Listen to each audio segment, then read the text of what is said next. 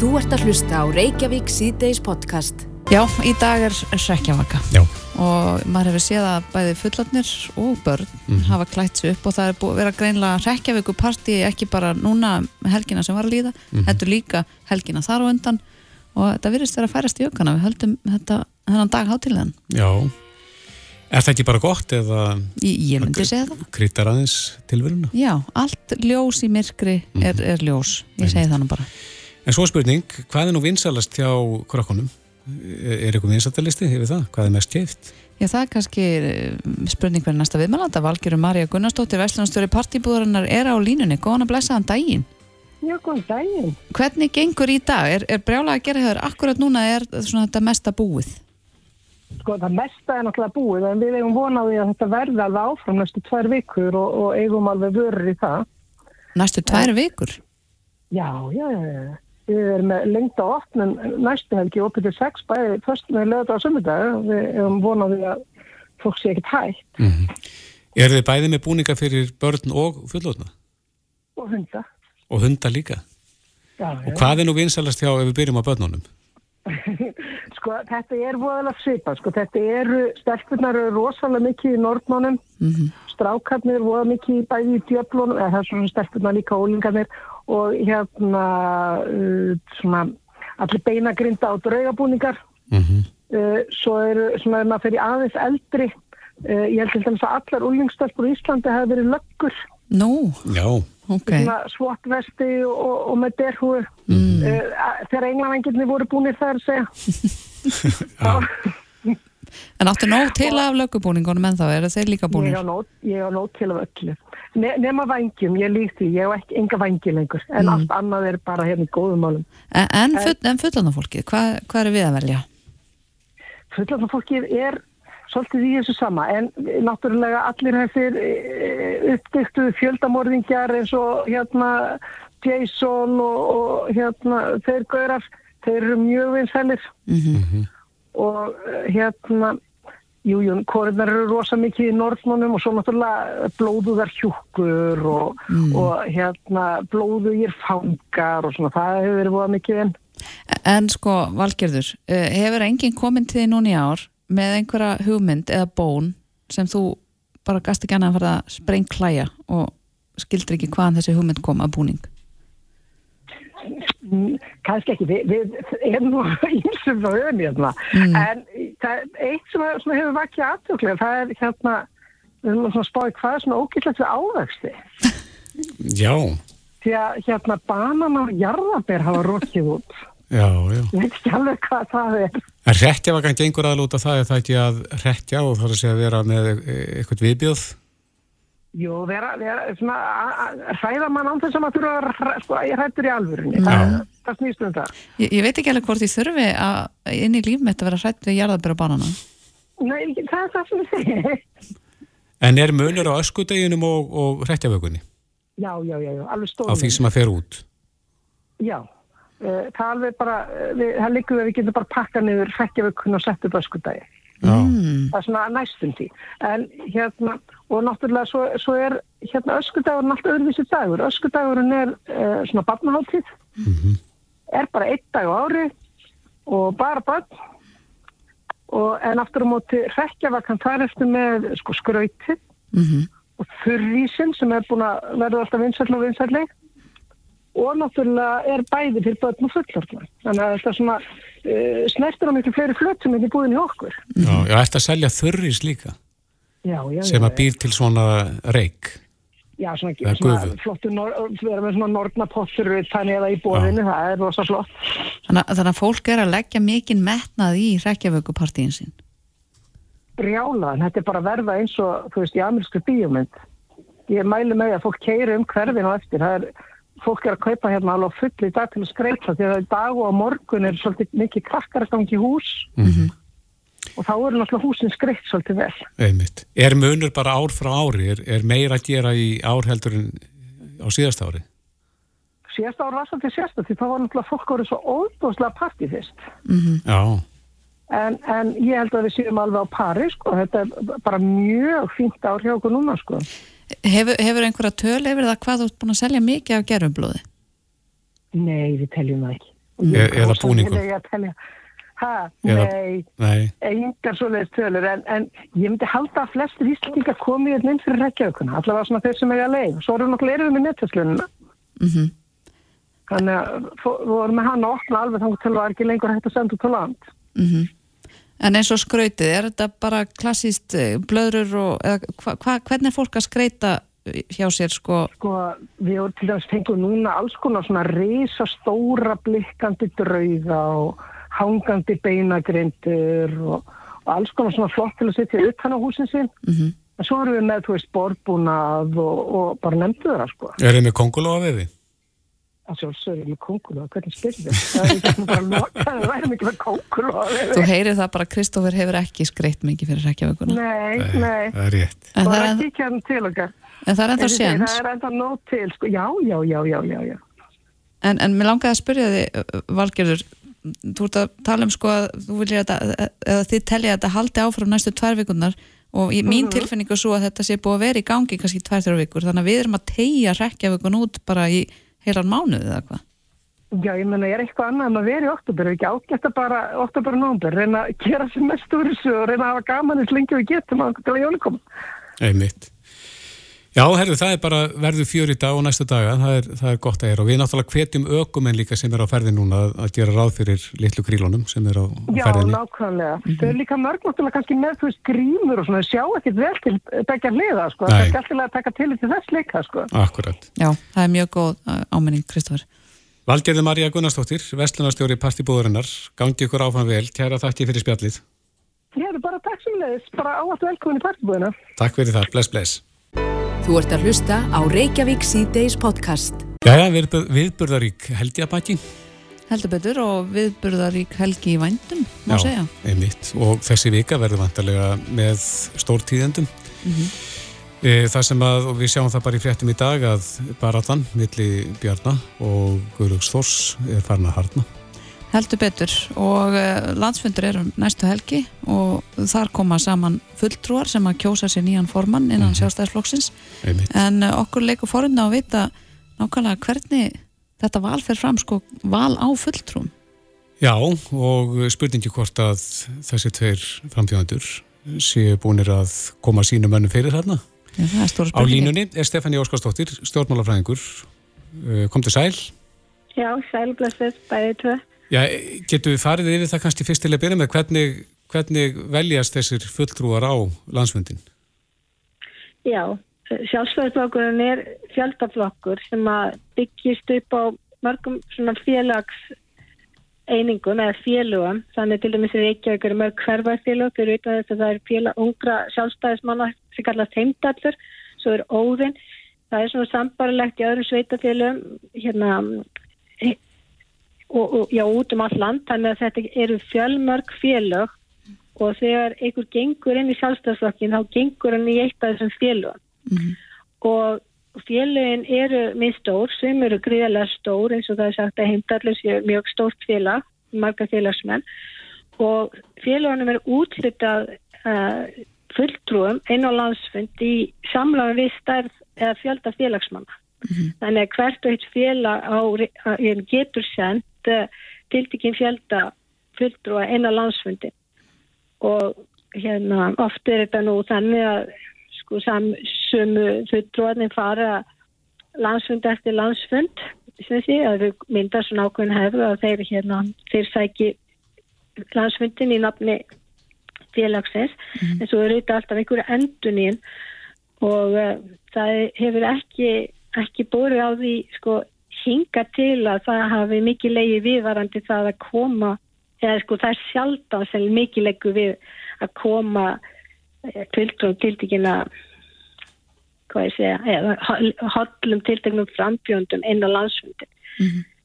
en eftir því sem best veita þá hefur þetta val kannski, ég vil nú segja farið fram eða er á svona loka metrunum Mhm. og það er frekar óalgengt að, að það gerist að einhver bjóði sér fram svona, svona seint þannig að, að það myndist ekki ráðrum til þess að fylgja liði fyrir, fyrir báða aðila. Já, þannig að það má gera ráð fyrir því að, að Guðlur Þór sé svona nokkuð meðvitaður um hvaða fulltrúar er á leiðinni á landsfund eða hvað. Uh, ég, svo sem veit það nú ekki, en það er oft talað um það að hann hafi greiðlega sterk ítök í hverfafjölanum í Reykjavík. Mm -hmm. En sjálfstæðarslokkurinn auðvitað mikið stærri heldur en hverfafjölanum í Reykjavík. En það lítur svo að hafa farið fram einhver liðskvönnun og hann svona guðlu kannski hérna tilur að hann hafi, hann, hann gæti að möguleika að, að, að bera sig úr bítum. Já, en má ekki búast við því að sá sem alltaf gegn sitjandi formann eða hann sé nú búin að vinna heimavinnanum sína sér vel? Já, það, það er bara eftir að koma í ljós en mér langar að, mér langar að bæta við varandi fulltrú að það er síðan þannig að það eru sumir sem eru sjálfkjörnir eða það er að segja að þeir eru þeir, þeir sækja landsvöndi krafti þess að þeir eru kjörnir fulltrúar eða sitt í flokksræði flokksins og kjörnir fulltrúarnir eru þetta þingmenn og síðan allir sveitastjórnumennir um, um land allt. Mm -hmm. Þannig að, að þetta er stór hópur og stundum hafa, hafa, hafa á landsfundi verið þúsund manns eða, eða, eða, eða fleiri. Mm -hmm. En Stefania, Bjarni Benediktsson hefur bóðað það að ef hann tapar þessari kostningu að þá allan að hverfa úr politíkinni? Aha, Hvað... það er eitthvað stór tíundi. Já, Sér, sérðu fyrir að það kemur þá til með að gerast strax myndan bara vikja á stóli eh, hérna fjármálar á þeirra og, og segja af sér þingmennsku? Já, ég myndi gera ráð fyrir því. Þetta er náttúrulega sko einstakt að, að sýtandi formaður sem er jáfnvægt oddviti stjórnmálaflags eða já, oddviti sjálfstæðsflags í ríkistjórn og hann fá mótframbót. Eh, það er að segja formen hérna, sjálfstæðslóksins hafa fengið móttrampóð, það er mjög sjálfgjart en það hefur gerst, en þegar það hefur gerst þá hefur það bara verið þeim tilvíkuna sem að blokkurinn hefur verið utan ríkistjórnars mm -hmm. en ekki því tilvíki að, að formaðurinn leiði ríkistjórnarsamstarf eh, sem er ottriti í, í hennar samstarfi og núna var ríkistjórnarsamstarfið við frásnaflökkinu vinstu græna endur nýjast fyrir tæpi áru síðan þannig að við getum sagt að við séum upp að kjörðum að bils en ekki, ekki við lókðar og það var ekkert sem að eh, var, var fannist í pípunum sem, sem hérna eða skiljið það, það hérna hefði kannski svona undir hvað ég segja svona með að hefðina að þá hefði fólk ekki búist til frambóði gegn formanni mm -hmm. nema þá í lók kjörtumabils og kannski við þar aðstæður að hann væri að hérna hugsa sýti reyfings, væri hugsa um að hætta eða þá að þá var að glíma við heilsubrest eða, eða, eða eitthvað slíkt að þeir komið upp mm -hmm. eins og til að mynda hérna þegar Geirhóldi kvarfu stjórnmálunum á sína tíma 2009 eftir, eftir, eftir stjórnarsluti samfélkinguna og, og, og, og allt það sem gekk á Mm -hmm. Já, það má skilja það þannig að Bjarni Bendisson sé þá bara hættur í stjórnmálum ef hann tapar þessum slag. Já, og, það finnst mér vel skiljanlegt. Hann er alltaf verið formaður sjálfstofsflokksins frá 2009 og, og hérna og frætt leit og þá þingflokksins og, og farið hérna, ég verið öllvit í ríkstjórnarsamstæri, hann hefur verið ráð fyrir frá 2013 og er náttúrulega gríðarlega reynslu sem slíkur mm -hmm. og það var svo að, að hann tapaði fyrir guðli þá, þá var komin upp mjög skrítin og erfi staða og ég tala ekki um að það er þannig ef, e, ef það væri þannig að guðlur myndi vinna hérna á landsfundi en til dæmis meiri hluti þingklóksins hefði verið um ansnúin þá gæti það nú verið líka ansi erfitt fyrir nýjan forman mm -hmm. en þannig að, að það er sjálfur sér svona bla, blasir við að Bjarni myndi, myndi tólka færðan og þannig, myndi tólka niður til landsfundar þannig að hann hefði ekki lengur umbútt til að til að leiða flokkin, ég minna það er alltaf svo augljóst. Mm. og, og hverfa það til annar að starfa og eftirláta Guðli að, að, að leiða, leiða þetta allt saman áfram. En þá eru þetta sko hvað gerist þá og hvena, hvena gerðist það, hvena myndi hann hætta? Ég myndi gera á því að það svona til til að fljótlega. En ennbætti fjármálar á þeirra er mjög veiga mikið hérna ennbætti og, og uh, það, þarna leipur ekki hver sem er kannski í það Nei, stjórnmálaskýrindur eru ekki alveg samála um sko hvaða áhrif uh, Sigur Guðlaugs Tórs myndi hafa á ríkistjónarsamstarfi Sko, ég, ég, ég tel að það myndi hérna valda svona ákveðu uppnámi. Ég er ekki að segja að það, það er endal út úr þúur en sko nú, nú skildist mér á Guðli þessari frambúsaði gær að hann vildi leggja áherslu á að lækka skatta og skera niður ríkisútgjöld. Mm -hmm. og þetta er ekki það sem er hérna í svona samræðan við stjórnastefnu núverandi stjórnaflokka og það er sko minna en eitt ár síðan þeir sömdu komið sér saman um sínar áherslu til næst fjóra ára og kæmi því nýr formaður inn með hérna, nýjar kröfur inn í svona stjórnasánstar þá hérna geti það nú eitthvað rugga bátnum og þar að hann skiptir þetta svona persónulega tengsl og persónulega hérna, veitir, alltaf hérna svona tröst, tröst skiptir svo óskaplega miklu máli í stjórnarsamstarfi þannig að, að það, er, það er ekki sjálfgefið að, að, að ríkstjórnarsamstarfi myndi halda að mínumati mm -hmm. Uh, og, ég bendi nú bara á að til að mynda við erum nýbúin að fylgjast með þarna allir þessum vendingum út í Breitlandi varandi hérna sí endurtækna kostningar á forman í íhalsflagsins mm -hmm og þar hérna voru tveir í frambói hvað ég segja þar síðast Liströss og, og hann Súna, hérna Súnak mm -hmm. Og Liströss laði áherslu á að lækka skatta og skera niður og hérna skera niður sumt og annað ekki. En allavega hún, hún vann kostningarnar og e, markaðarnir hundu og, og það var hérna í Breitlandi og var mikil krísa. Og margir sögðu að sko þessi nýja áherslur nýs formans í aðsflokksins, það væri, það gengur gegn þeim áherslu sem að íhalsflokkun hefði bóðið sér fram undir e, í kostningunum þingkostningunum 2019 mm. en til að gera langarsöðu stutta þá auðvitað hvarf hún á vellinum og Súnak var, var sem kosim og það er allt unnur saga en allavega að, að, að, að svona í flestu löndum í kringum okkur þá myndi þarna það valda týtringja mörgum að það væri skindilega óljóst með, með, með hérna, stjórn fjármála ráðuniti þess. Áttu vona því að það gerist eh, sliktið sama hér? Já, ég bara hef ekki verið til dæmis neitt að fylgjast með, veist, einhverjum slíkum tölum hér, hér á Ísland og okkar markar alltaf svo lítill og annars lík, mm -hmm. en það bara að, að hérna, svona, um, hvað er þetta óvissi ástand skapist það, það, það við í kringum okkur veldur, veldur svona mm -hmm. óráa og svo er annað að, að þessi, nú standa stjórnvöld frammi fyrir því að kjærsamningar er laustir og, og það er hérna atvinnureikendur og leynstegar eru að sittast niður og semja um, um laust mála, deilumála og við þekkjum það á síðustu áratugum þá hafum þeim hafum slíkum rýraðan alltaf lókið með aðkomið stjórnvalda og það gegnir þetta fjármálaráðanettið og, og fórstisráðanettið mikilvægur hlutverki. Mm -hmm. Þannig að, að hérna, það er svona til viðbútar og að lokum getur svo kannski nefnt að hérna, svona, ég meina það er svo margt vita sem er óvinnilegt, sérstaklega þetta að, að, að, að sem sé bjóða sér fram gegnsýtjandi formanni. En eh, og, og rauk sem Guðlefn sem svo að hérna fylgir sér ekki nægilega mikið, það hafi aldrei farið yfir 30% frá 2009 mm -hmm. og uh, hann geti eitthvað bætt úr því. En mitt matur það að svona flokkadrættir núna að þeir sem muni sem sé valda sárundum sem að hvernig sem fer hvort það guðlur tapar eða vinnur eða öfugt sem, að, sem geti komið niður á tröstu til flokksins, það er mitt mat. Þannig að þessi svona krísa sem Guðlur Þór lýsir gæti þá bara orðið en þá verri, sama hvernig fer? Það er mínu mati.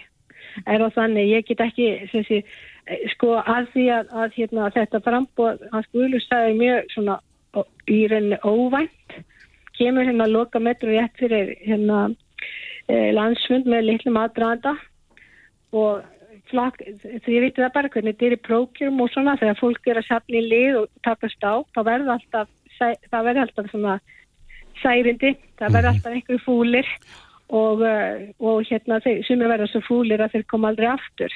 Æmitt. En Stefani, hvað segir um þessar fréttir á innherja en á vísi.reis í dag að Guðlegu Þór Þórðarsson orku og láslagsráður hafi verið reyði búin að falla frá áformið sínum um að bjóða sig fram til formensku gegn því að Bjarni Benediktsson létt honum eftir fjármála efnars ráðunitið? Ég bara hef ekki séð þetta, ég hef verið svo annir kafin í mínu verkefnum. Þeir segjast af heimildi fyrir þessu hjá innherja? Já, já, ok. Og þetta er farið þeim á milli á þessum fundi sem þeir áttu. Ok, og hvað átti þá Bjarni að gera í staðin? Það fylgir ekki hrettinni. Nei, bara láta fara lítið fyrir sér. Ætli það ekki? Já, ég, ég veit það ekki, en, en það er þetta merti marg og hérna, pólitíkin, hún er alveg valda bara þetta Mm og svo er líka sagt að hún sé listins mögulega. Þannig að menn verða alltaf endanum að vera alltaf raunsægir, þú veist, að, hérna, þegar þeir þegar þeir koma sér niður á sem sé, ég meina það þarf það þarf, það þarf málamilanir -hmm. Og, eh, og hérna en þetta er oft ljót þetta er oft ljót pólitík sem að fylgir, fylg, fylg, fylg, fylgir þessu. Já, og áttu, margir nývarnir baki stjórnmálamanna gegnum tíðin áttu vonaði að vikan er eftir að enginnast að því, svona, já, Já, já, við erum eitthvað eftir að fá fullt af Bakstungum. fréttum að þessu og ég skilja við, og þetta er náttúrulega allt í einu komið fút í, í fréttirnar og hérna svolítið spennandi og þessi landsfundu verður gífilega spennandi. Mm Mhm. Því maður veit ekki um sko samsetningu fulltrúana á landsfundi hvort að þeir endur spekli svona almennan eh, svona almenna afstöðu kjósunda sjálfstæðisflokksins eða, eða hvort að á landsfundu séu sko fólk sem er hvað ég segja, með, með hérna yktari skoðanir. Það er oft þannig að þeir sem er mjög virkir í græsóttastarfi eru ja, það kannski getur hljómaði svo slemt orð þegar þeir róttekar en svona þeir, þeir eru hérna já, fa- fastar í svona hugmyndafræðinni hugmyndafræðinni heldur en kannski almenni kjósundur heilt, heilt yfir Já. og svimir flokkar að maður horfi bara til útlanda til að mynda aftur til Breitlands bæði inn á verkamannaflokksins og hérna íhaldsflokksins, þeir hafa lendið því árum áður að, að sko að, að hinn er sko svona heitrúðu virku í, í flokknum að, að miklu sko er, er í rauninni fjarlæg, fjarlægir meðal kjósindana Mm En ef þetta gengur þetta allt út á að sapna fylgi og sapna liði og, og hérna og, og ná áhrifum og, og, og fyrir sjálfstofsflokkin þá höfum við nú við talið mikilvægt að vera, vera í stjórn, fyrir að vera í stjórn á anstöð. Sumir gæti þú sagt að það væri kannski mál til komið að sjálfstofsflokkurinn væri stjórnar anstöð því að flakkar í stjórnar anstöð þeir geta alveg aftur á svona þið veitir hérna óanægu og, og, og svona slegið sér upp og all, all, alla kanta sem er erfitt í flakka stjórn því að þeir þurfa að, að, að sína ábyrð og eru að til að stöðut í málameilunum. Einmitt. Rétt aðeins í lokin, Stefán, ef viltu spá fyrir um niðurstöðuna? Hvor vinnur Nei, Það kostninguna? er náttúrulega ómulett að segja en hann, hann eh, Bjarni Bindisson hefur fengið nokkur svona frambóð, mótframbóð og eða hann hefur verið í kjarni í formann hérna embættið en þó aldrei eftir að hann var ráþauða og öllum tilvíkun hann fórum með Sigur og Holmi. Mm Þannig að þú kannski býst fastlega við því að svo verði núna.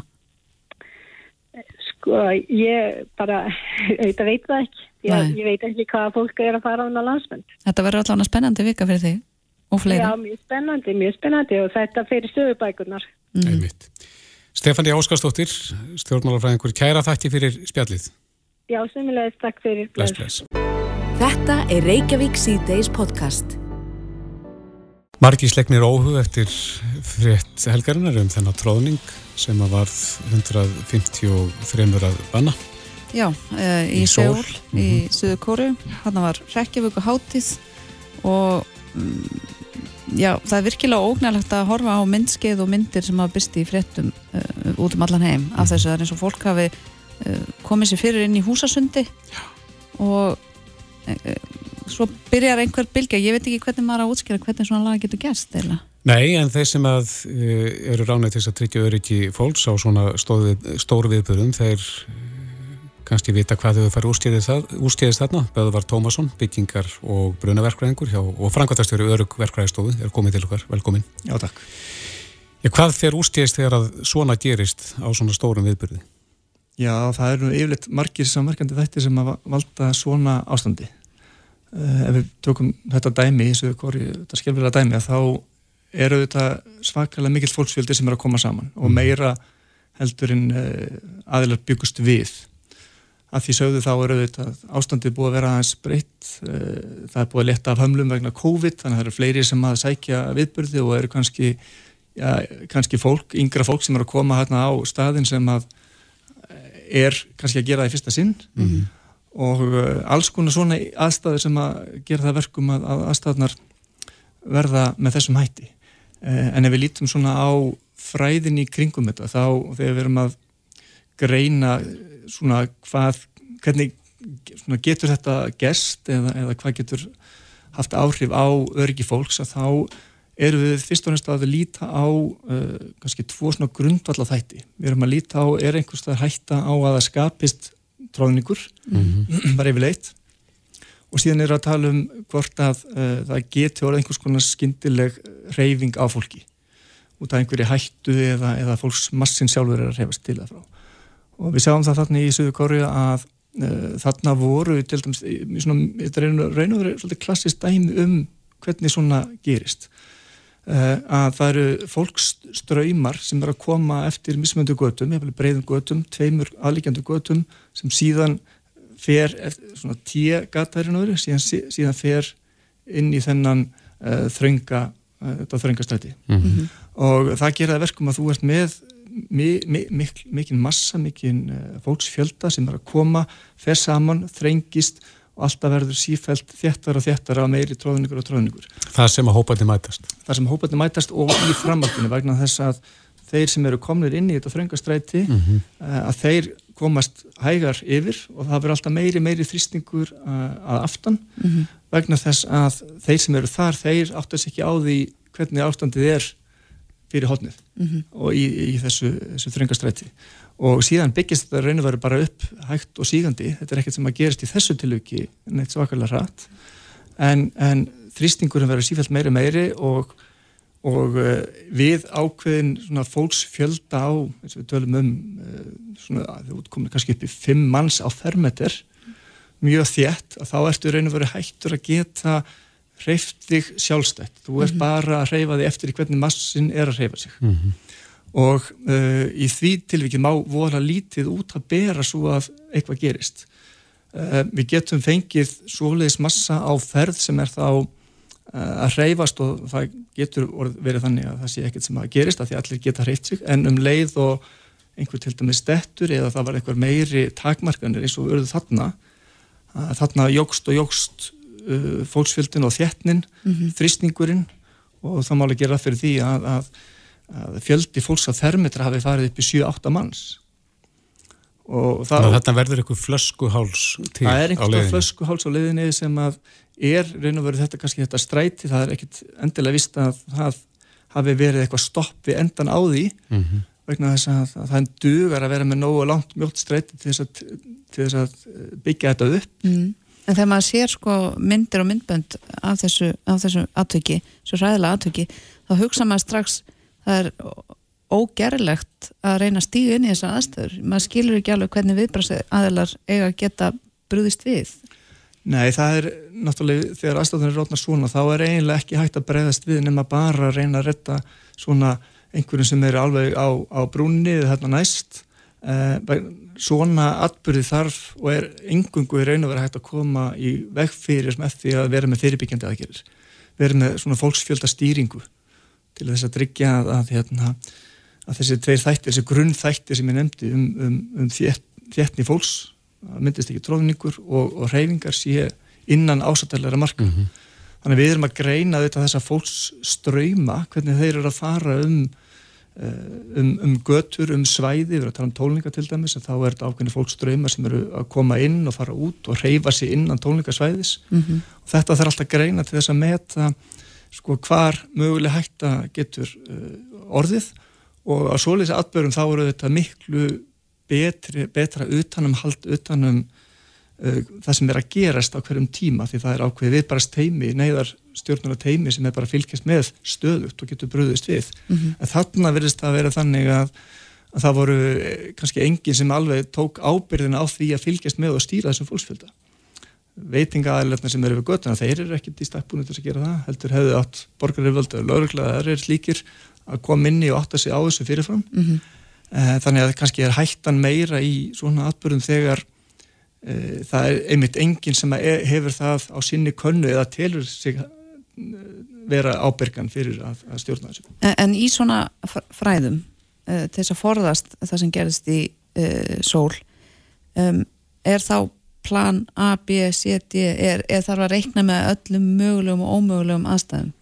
Já, það er að þetta vera að reikna með alls konar tilvikum og það er gerð þá gert á, ákveð áhættu mat fyrst sem að teku tillit til þessara mismöndi þátta í ferlinu ef við erum aftur með einhvern atbyrg sem er ákveðin atbyrg ákveðin stað þá er verið að kíkja bæði hvernig fólki fær, kemur á staðin því það getur líka alveg verið jafn mikil hætta eins og ástæðanum sjálfum eða eftir uh, ástæðanum auðvitað og hvernig fólk er að færa sig á í, í, uh, í verslanir eða hvað það er að gera milli tónleikastað eða hvernig sem það er þannig að við erum að kíkja allar þætti setja áhættumat og, og reyna að greina og koma upp fyrir að, að þetta getur gest með því einmitt að haga svona grunn uh, struktúrnum með réttum hætti, nægilega breyðar flottalegðir og tryggja sér ströymar mm -hmm. uh, verða ekki þannig að þeir skapi hættu.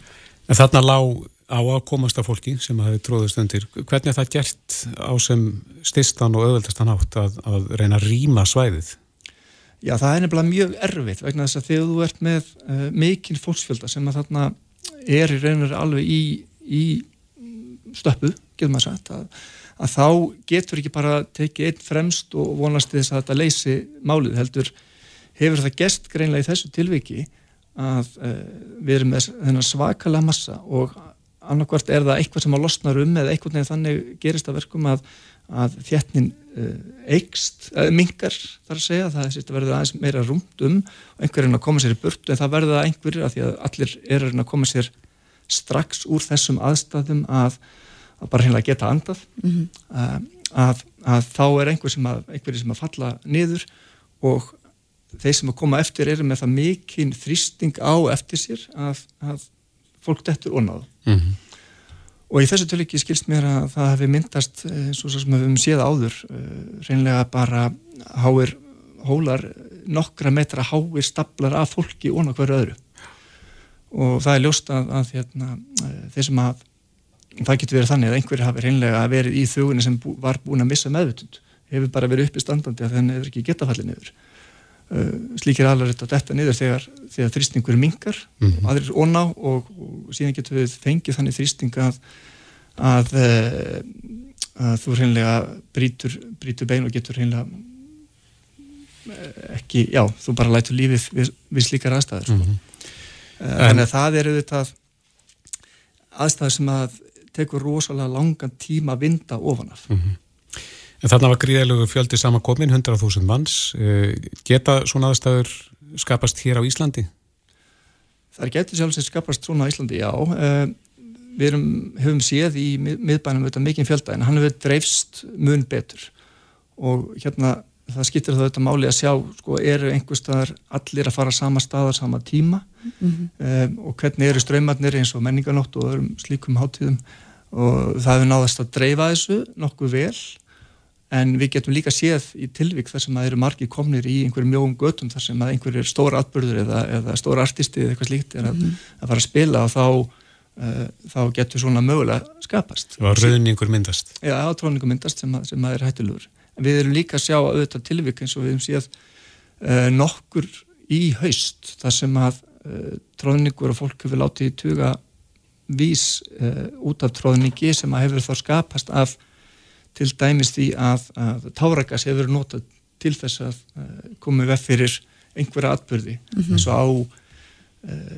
það var í Indonési nýlega og Suður Afríku um að rétt þá voru slíkt, slíkt notað og það gerða verkum að fólk uh, reyndi að flýja þessar aðstæður og þá skapaðist líka hætta sem að, sem að líka er, er hérna bara getur verið jafn hættuleg sko. þannig að það er sem er mismennandi þættir, þannig að þetta er ekki bara spurningum að tryggja þetta stöðu á flæði og, og, og svona takmarka tróðningin heldur líka svona hvað getur gest mm -hmm. og hvernig er að meina stjórnaði það má ekki vera einhver panik hjá þeim heldur sem eru að stjórna og reyna að stýra svona atbyrði að grípa til einhverja svona rástafan að, að úða piparsprei eða einhverju slíku þá getur, getur mikið hægt að myndast en, og líka ef einhverjir einstaklingar beita einhverju slíku Er það skilda fyrir viðburðahaldara, viðburðahaldara að vera með einhvers konar áhættumat?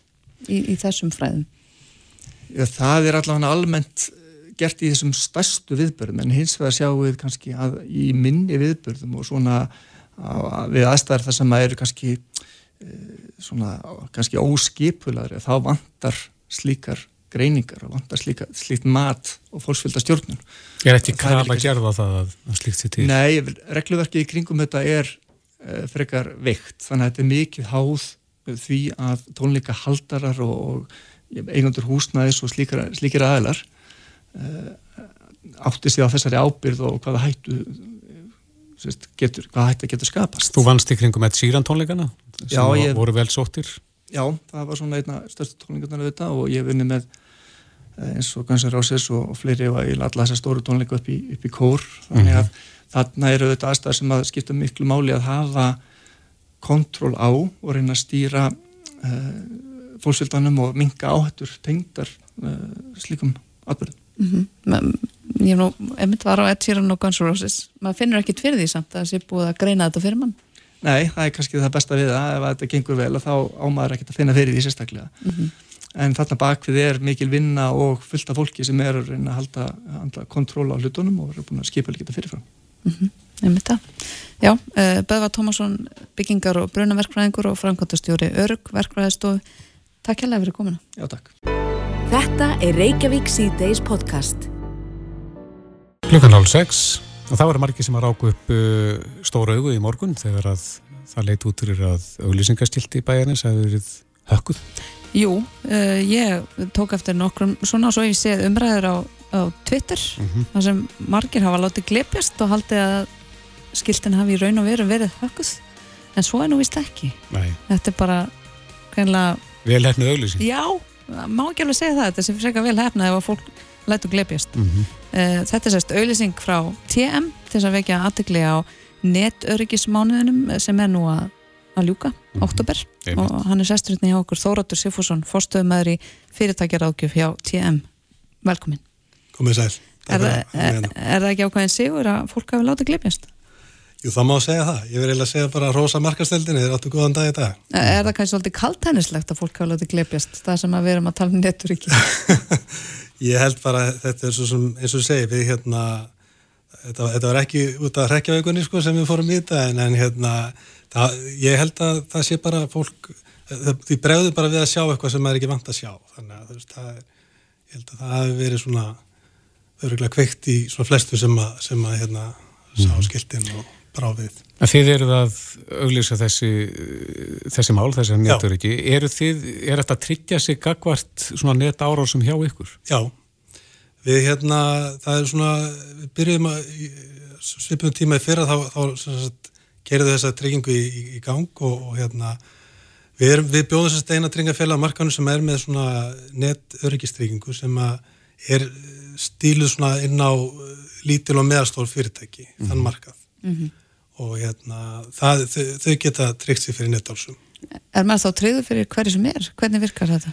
Sko, í raun og veru er þetta þannig að hérna, svona, svona í grunninn er þetta trygging fyrir nettárasum, þannig að ef fyrirtæki lenda í nettáras og þá þurfa þau náttúrulega einhverju neða þjónustu að halda og, og þá, þá veitir tryggingin aðgang að slíkri þjónustu mhm. og hérna og við þegar við sagt, fórum að stað með þetta og vorum að, að hérna, þróa trygginguna sem, að, hérna, sem er nú erlendri fyrirmynd eh, hérna, þá fórum við að leita að aðlu sem getur unni með okkur og Sindís urðu fyrir valinu mm -hmm. og þeir sagt, eh, það, eh, þetta virkar rauninni þannig ef, ef að hérna, þú ert með netverkistringu í hákur og lendir í netáros og þá getur þú ringt bara hvena sem er solansins í sérfræðinga hjá Sindís og þeir koma og, og og raunin aðstofa við að koma kjærunum aftur í gang. Það er svona það sem að, í grunninn það sem að treykingin tekur á og, og, og til viðbóta það, það er alls konar viðbótar rauninni bóta, bótasvið í treykingunni eins og til dæmis ef að, ef að verður til dæmis bara rekstra tap mm -hmm. eða tjón vegna kjölfa netárusarinnar þá bæti treykingin slíkt tap líka. Og hvað með lausnar gjald og slíkt? Nei, það er endar ekki, við tryggjum ekki hvorki sektir mm -hmm. nýja lausnagjald. Það er svona, það er eiginlega bara svona uh, mjög gráu svæði ef, veist, hvort það megið er reynilega að tryggja slíkt. En, En hvaða skilir þið þurfa fyrirtæki uppfylla til þess að fá trygginguna? Fyrir syndis á staðin og skoðar já, hvernig netur ekki þér? já, í rauninni, sko, ferlið er bara mjög einfalt. Það er, er þannig við byrjum í rauninni bara á að, að gera tilbóð, þurfum ekkit bara mjög svona, rauninni bara svona einfalda grunnu upplýsingar um rekstur fyrirtæki til að geta gert tilbóð Mhm. og þá, þá fer á stað hérna svo kallar automat sem Sindís framkamir og þeir sagt, hafa samband og sagt, hitta e, sagt, tala við fórsvarsmenn fyrirtækisins og fara yfir alls konar svona áhættu þætti sem að snúa að, að neturikismálu Mhm. og það er rauninni er eiginlega svona eitt, eitt svona besti besti í rauninni þátturinn við þessa tryggingu, það er þetta automat sem að fylgir er, er, tryggingunni. Hef, hefur reynd á þessa tryggingu? Já, það vil svo til að hérna, við, það er, við, hérna, það lendið viðskiptaðun okkar í því að, heimasíðan lands var tekið niður og, og þá, það er raunni, auðvitað náttúrulega var mikið sjokk að lenda í því og, og í því tilviki þá raunni kom Sindis bara inn og hjálpuðu þeim bara hratt og örglega við að endur heimta gögnin og, og raunni setja upp heimasíðun aftur. Þannig að það er svona eiginlega sannaði sig bara strax gildi tryggingarna. En hafa fyrirtæki komið til ykkar með einhverja sögu um að uh, hafa lendi uh, einhverju, einhverjum höggurum og jáfnvel uh, tapa miklum peningum eða er það að fá einhverja svoleið sögur til Við, ykkar? við, hei- við heyrum af því eh, hérna, og við vitum að við, við, er, við, við erum með viðskiptefinn sem hafa lendi í bara mjög svona alvarlegum netvarásum sem betur fyrir var þetta dæmi sem ég nefndi áðan ekki það alvarlegt en, en, en við vitum að og það er bara þekkt tilvik eh, þar sem að fyrirtæki bara reksturinn hefur bara reynlega legið niðri bara í vikum saman eða lengur og haft bara mikla fjárháslegar afleðingar og við þekkjum að bara að, að kostnaða við svona að koma, koma kjærunum aftur í gang getur hlaupið á miljónum eða 20 miljónum þannig að Einmitt. þetta er En er, er, er Ísland eitthvað sofandi í þessum málum eða finnið þið fyrir auknum áhuga? við Eða mættu fyrir, við vera áhuga meiri? já, okkur finnst það hérna, við náttúrulega erum, við náttúrulega erum að tryggja einstaklinga og fyrirtæki og, og það er svona, það verist vera svona alveg viðtekin, þú veist, venja að tryggja bara, veist, heimilið og innbúið sitt og Mhm. fyrirtækin að tryggja þá reksturinn og, og, og lausa munni en, en þarna eru svona við, þetta er svona, við erum bara núna við erum búin að vera svona bara síðustu tól mánuði að, að, að, marka setja trygginguna, alveg markvist -hmm. og við finnum alveg fyrir svona, það er það er svona, það er vaksandi áhuga á tryggingunni En, en ég sem einstaklingur get ekki tryggt mig fyrir Nei. netturiki. Nei, í rauninni, þetta, þetta, þetta er engunga ætlað fyrir fyrirtæki. En er það eitthvað sem koma skal? Að þetta verði fyrir einstaklinga líka?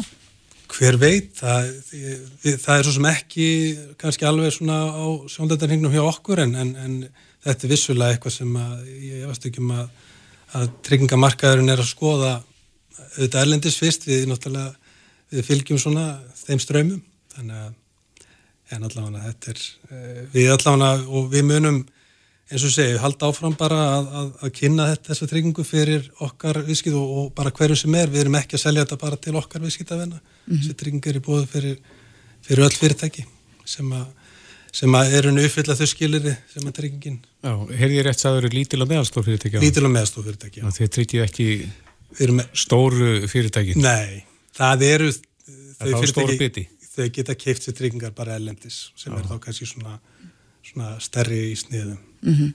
En, en hérna, En það er enga bætur í þessu, þið, þið tryggið í rauninu bara endurheimt gagna og við erum, sko, við, við tryggjum í rauninu kostnað þessar, þessara þjónustæðila við að koma kjærunum aftur í gang.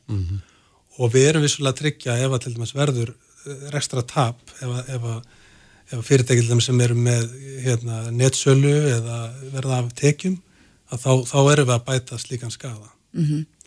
Og svo kannski má líka nefna að, að, að í tryggunni er hérna hún, eh, sagt, eh, hún bæti líka hérna, tjónvegna gagnaðalega og, og hérna, þá, þá ef að fyrirtæki eru af því að það er náttúrulega bara sangvað bara hérna, nýjum hérna, persónavenda lögum og þá er mjög ströng ábyrð á fyrirtækjum ef, að, ef að þau lenda í því að, að leggja persónugreinlega gögg frá þeim. Í hverju fælst slíkt tjón? Það getur verið bara, já það er fyrst og náttúrulega skadabætur sem að fyrirtækin geta verið bótaskild að greiða mm -hmm. ef að, ef að einhver, einhverja viðkvama persónu upplýsingar myndur leka og það getur valdið náttúrulega bara tjóni hjá, hjá, hjá hérna, einstaklingum eða, eða bara miska. Þannig mhm. að... En hva, hvað er svona algengasta sem fyrirtæki lendi?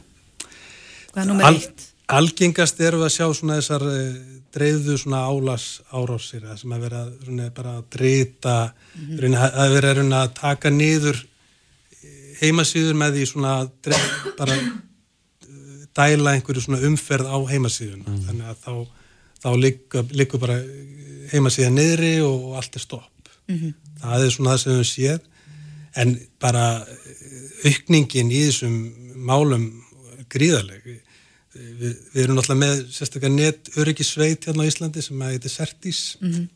og þeir eru að fylgjast með þróunisara mála og, og þeir, þeir til dæmis eh, samkvæmt skýslu bara fyrir síðasta ár þá var sko rúmlega tvöföld aukning á tilkynntum málum mm. sérstaklega netárusum og, og hérna og það er bara, það fór úr held ég 260 í, í tefla 600 mm -hmm. í fyrra, þannig að Og hvað kostar svo svona trygging? Það er nú bara, bara rauninni, þetta er, þetta er til dælu ótið trygging, satt að segja. Það er fyrir svona bara minni lítil fyrirtæki, þá er þetta kannski bara svona eins og að tryggja bara bíl.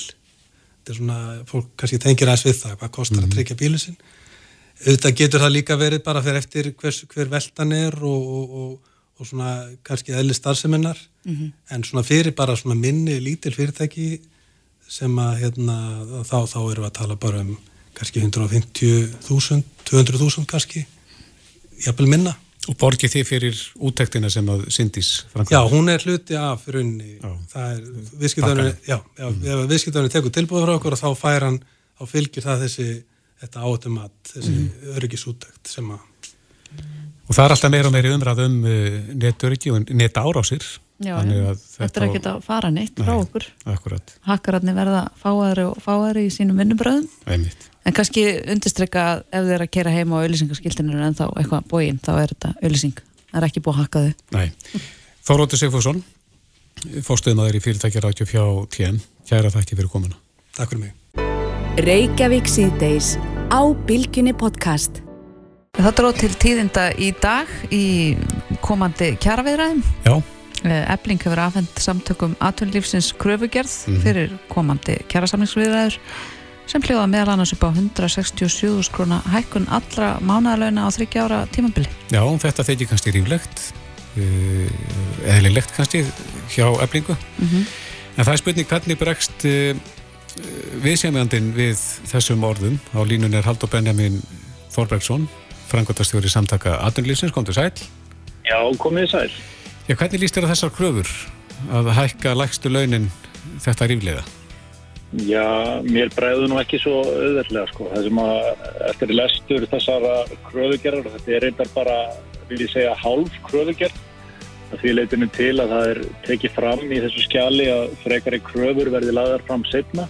Mm -hmm. Því að venjan er svo að stjætafélagin og það hafa allir okkar stærstu við sem myndur þegar gert fyrir mörgum vikum eða ekki mánuðum síðan lagt fram heilstaðar kröfugerður þess að það gleymist mjög oft í umræðum kjærasamninga að kjærasamningar snúast um miklu meira en bara um launaliðin í kröfugerðum stjættafélaga og áherslum samtaka atvinnulífsins eru fjölda mörg atriði sem þó eru kostnæðaliði sjáu, alls konar breytingar á vinnutíma breytingar á alls konar tilhaugun við vinnu og þess áttar en þetta er ekkit ávarpað uh, í kröfugerð eflingar, heldur segja þau einfallega að þetta er fyrstil hlutin, svo kemur meira síðar. Mm -hmm. Hvað var þar einstakar tölur sem þarna eru dregnar fram þá uh, höfum við nú tekið á móti mörgum kröfugerðum í gegnum tíðina þetta er svona, ég kýsa að líta á þetta sem hluta af svona þessu félagslega ferli sem að starfsemi verkalýsfélag er og ég skoða þær yfirleitt í fíljósi og er ekkert alltaf orðstór þegar að mér berast þær Mm -hmm. En fyrsti fundur samningarnemnda eflingar og samtaka aðvunlífsins er á förstæðin næsta, ekki satt? Jú, við erum í raun búin að hefja, ekki í raun, við erum búin að hefja kröfu, við erum búin að hefja hérna, samningarverðar við öll stæstu verkefliðsfélagin Við erum í kjara, viðræðum við Vaffer og landsamband Ískara Vestlunamanna og það er fundur á morgun. Mhm. Við höfum hafið kjara viðræðum við samflótið innamanna og fundum með þeim í morgun og það eru fleiri fundur fyrirhöðar í vikunni. En það er rétt, fyrsti fundur með eblingu er fyrirhöðar í lok þessarar vikur og það sem að ég auðvitað get tekið undir í þessu skjali sem er best í dag er að það er talað um að horfa til framlengingar á lífskjærasamlinginu sem er eitthvað sem mér hugnast ágætlega en það held ég að já, allir sangjarnir aðilar sem að horfa á hlutina raunhæfum augum ætti að geta komist að þeirri niðurstöðu að megin verkefni mestu missera og sennilega ára er að reyna að verja þær kjarabætur sem lífskjærasamlingur skilaði en ekki glutra þeim niður með já, óvarfærnum kröfum, skulum við segja. Nei, en segð okkur aðeins ef að þetta er því nú ofan á, ef að, ef að þeir með lægstu launir fengju svona hækkun á þreymur árum. Hvað myndi það þýða á markaðanum? Sko vandin við kjaraðiðraður er það að það sem samið er um þar snýr ekki bara einstöku stjættafélagi eða neitt slíkt sko. Það er niðurstöður kjaraverðana að hafa áhrif út, út um allt samfélag á öll verkalýsfélag og almenna vinnumarkaðnum og síðan fer það yfir á ofinbæra markaðin til viðbótar. Þannig að við sem sitjum við samlingaborðið hverju sinni berum auðvitað mjög ríka ábyrg og við bara samtaka atvinnulífsins í gegnum árin hefur markast af þessari miklu ábyrg sem við berum. En eh, svona varandi þessa kröfugjörð, er þetta eitthvað sem þið getið mögulega rætt? Já, ég auðvitað eins og allir aðri landsmenn hafa fylst með framvindinni innan eblingu á undanförnum mánuðum og ég satt best að segja þá kemur mér ekkert lengur óvart sem þaðan kemur mm. og ég held að það sumir ágætlega upp matmitt á þessari kröfugjörð. En búist þið við því að fá fleiri kröfur fram uh, frá eblingu fyrir þennan fund á förstæðin?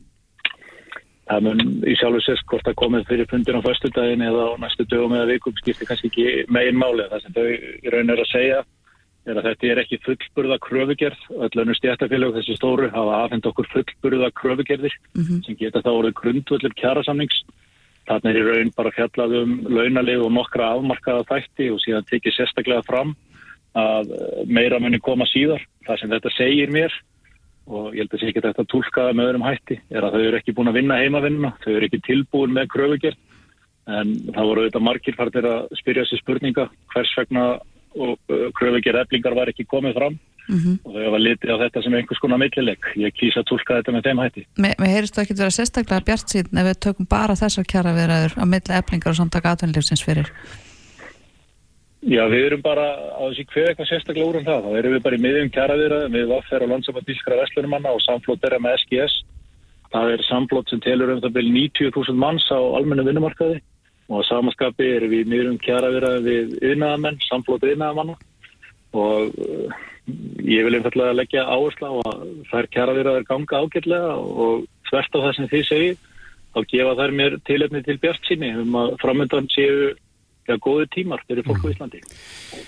Talandum starfsgrunarsambandið, formaðu þess sambands, uh, Viljámi Birgisson, hann setti fæsliðin á fjöspókina sína ekki alls fyrir löngu þar sem hann talar um uh, kynningu sem að Ástýr Danielsson, fyrirverandi fórstöðumadur Hægfræð og peningasefnasviðis Sæðalabaka Íslands var með. Og hann segir að á þessari kynningu uh, hafi verið meðal annars rætt um áhrif launahækkan á þróun verlags á Íslandi. Og niðurstöðunar, segir Viljámur, voru sláandi en framkom í þessu erindi frá ástýri að frá árunni 2000 hefur ekki verið hægt að greina tölfaralegt samit í milli launahækkana sem samið hefur verið um á íslensku vinnumarkaði og síðan hækkun verlags. Hva, hvað segir um þetta? Já, þarna erum við komin inn á já, mjög tæknilegt svið hagfræðinar, vinnustofu sem haldinn var í Sæðlaboka Íslands Ég hef átt mörg samtöl á undanförnum sex árum Vilján Birgisson um hans hagfræðikenningar. Ég hef yfirleitt lokið því sem, sem samtölum á þeim nótum að við verðum bara að vera ósamála um tólkun hans og ég verð því miður að grípa til sama bráðs að þessu sinni. Ég þekki mæta vel til þeirra rannsóna sem hann vísar og hef svo sem rætt þetta við hagfræðinga meðlánas í Sælabankanum og þetta er því miður bara einfallega ekki rétt lagt út frá þessum orðum. En það held ég að allur þorri manna geti séð að þeirra launakostnaður er ráðandi kostnaður í rekstri, já, flestra fyrirtækja á landinu, þá segir það sér sjálft að ef að til dæmis laun eru tvöföldut, hvað verður þá um kostnað fyrirtækjana? Já, hann hækkar sem því nefnur er það ekki og þá þurfa fyrirtækjana að spyrja sig með hvaða hætti getur við bröðist við. Og út frá þessu ofur einfalda dæmi sjáum við að það myndi þýða hækkun á verði og þjónustu er það ekki sem þá hefur bein áhrif á verðbólkumælingar. Þannig að án þess að við köfum djúft í hagfræði bækurnar eða förum í gegnum marga dóðranda, þá held ég að hyggju og brjóstvit okkar flestra geti hafnað þessari kenningu Viljáms Byrkissonar sem falskri. Mm. Þannig að þið haldið áfram að vera sammála um að vera ósamála. Ég held að það sé besta sinni. Mm -hmm. Einmitt það. Já, ef ekki bara óskaði góðs gengis, Haldur Benjamin Þorbergsson, frangöldastjóri samtaka atvinnulífsins. Ég óska okkur öllum góðs gengis. Já, Takk fyrir. takk. Bless, bless. Hlustaðu hvena sem er á Reykjavík C-Days podcast. Snúum okkur aðeins að stöð 2. Heldur betur. Það er nú ímislegt þar sem að er ansi uh, gott Já, og og getur stitt manni stundir á þessum haustkvöldum. einmitt, á sunnundaskvöldum er leitin að upprunanum. Mm -hmm. Tveir þætti búnir í nýjustu seríunni. Sigrún Ósk er komin til okkar velkomin. Takk fyrir. Tveir þætti búnir Mm, og þarna fylgdu við Gabriel eftir já, sem að var að leita að fjölskyldinu sinni og það tókst bara hansi vel. já, Megum við ekki segja það? jú, ég held það að lokum. Þetta er náttúrulega því lík leit sem að maðurinn er búin að leggja í, aðalega án minnar að það stóður. Já, hann var, hann var ríkala vel skipulaður. Já, ég sko að því nú er ég nú búin að vera í þessu, bara á kafi í þessu í sjö ár og búin að ræða við mjög marga ætleta og heyrt margar svona sögur og þekki mörg svona mál, ég hef aldrei vitað annað eins. Nei. Um, aðra eins sko innbyttingu held ég með að segja bara. Ertu ekki búin að ráða hann í vinnu? Ég, ég ætti eiginlega að gera það Jú, ég ætti eiginlega að gera það ég, hann skildi mig eftir í ríkinu bara, ég get alveg viðkjönd það en hann er sérst búin að leita í 13 ár Já, og þú ert búin að fylgjast með hann hvað lengi? ég er búin að fylgjast með honum í já, 7 ár eiginlega Já. það er svona 5 ár síðan við settum allt á fullt þetta er svona, held ég megi segja að það mál sem að ég hef unnið svona lengst í sem að endaði svo á skjánum eftir allt saman og kannski kennir mann að maður bara veit aldrei. Þannig að hlutir geta gengið upp á endanum. Þannig að þú ert alltaf í rauninni gegnum þessi ár, sjö ár, þá ertu alltaf með marga í takinu að fylgjast með mörgum en við kannski sjáum ekkert alltaf alla í sjónvarpinu. Emitt. Þið sjáuð svona, ég, á ég að gíska, kannski þriðjung Mm Já, af málinu sem er í gangi hverju sinni. Nei. En svo, það var líki síðustu þáttur og þá var mál sem að var búið að vera í vinslu í nokkur ár og það er nú kostur með að vera í þessu í svona langan tíma, emitt, að maður getur gefið hlutum tíma og það þarf bara oft í þessu. Mm. Hvað er margir þættir eftir? Það eru fjórir eftir og fjögur mál. Mm. Já. Er, Gabriel semst eini þátturinn sem fekk, fekk tvo? Sko, í raunin, svo nú tala ég alltaf þessu ykkur, hérna, já, mjög svo dölmálskóða, en, en sko, næsta mál er bara stakur þáttur, ég get sagt, ég get glatt fólk með því að það þarf ekki að býða í viku eftir framhaldinu, en svo kemur, já, mjög svona flókin saga, Ó, já, sem er svona þryggjamanna saga, Mm. sem tegir sig í nokkra þætti. en dularfullt. Já, mjög dulafyllt og eiginlega sko um, ég hef aldrei vitað annað eins. Ég get bara sagt ykkur það. Ég, Geturðu sagt okkur eitthvað meira? Fólk má ekki missa því. Ég bara, bara ég hef sagt það áður, alltaf þegar maður heldur að það geti ekkit komið mann óvart lengur Mm. að, þá, þá gerist það. Það er svona mál sem er líginni líkast. Það er eiginlega sko, við erum í fyrsta skipti líka að fylgja eftir já, að reyna svona aftur taka annan snúningamáli einhverju munu öruglega eftir henni Ás og Magnúsdóttur sem að fór til Sri Lanka að leita upprunans og, og það tókst ekki. Það gekk ekki upp. Og það er fimm ár síðan. Ímislegt gerst á þeim fimm árum. Og við ætlum að gera aðra tilraun. Og það tók svona óvendan Snúning. Já, Ó, þetta er mjög spennandi. mm, er það ekki?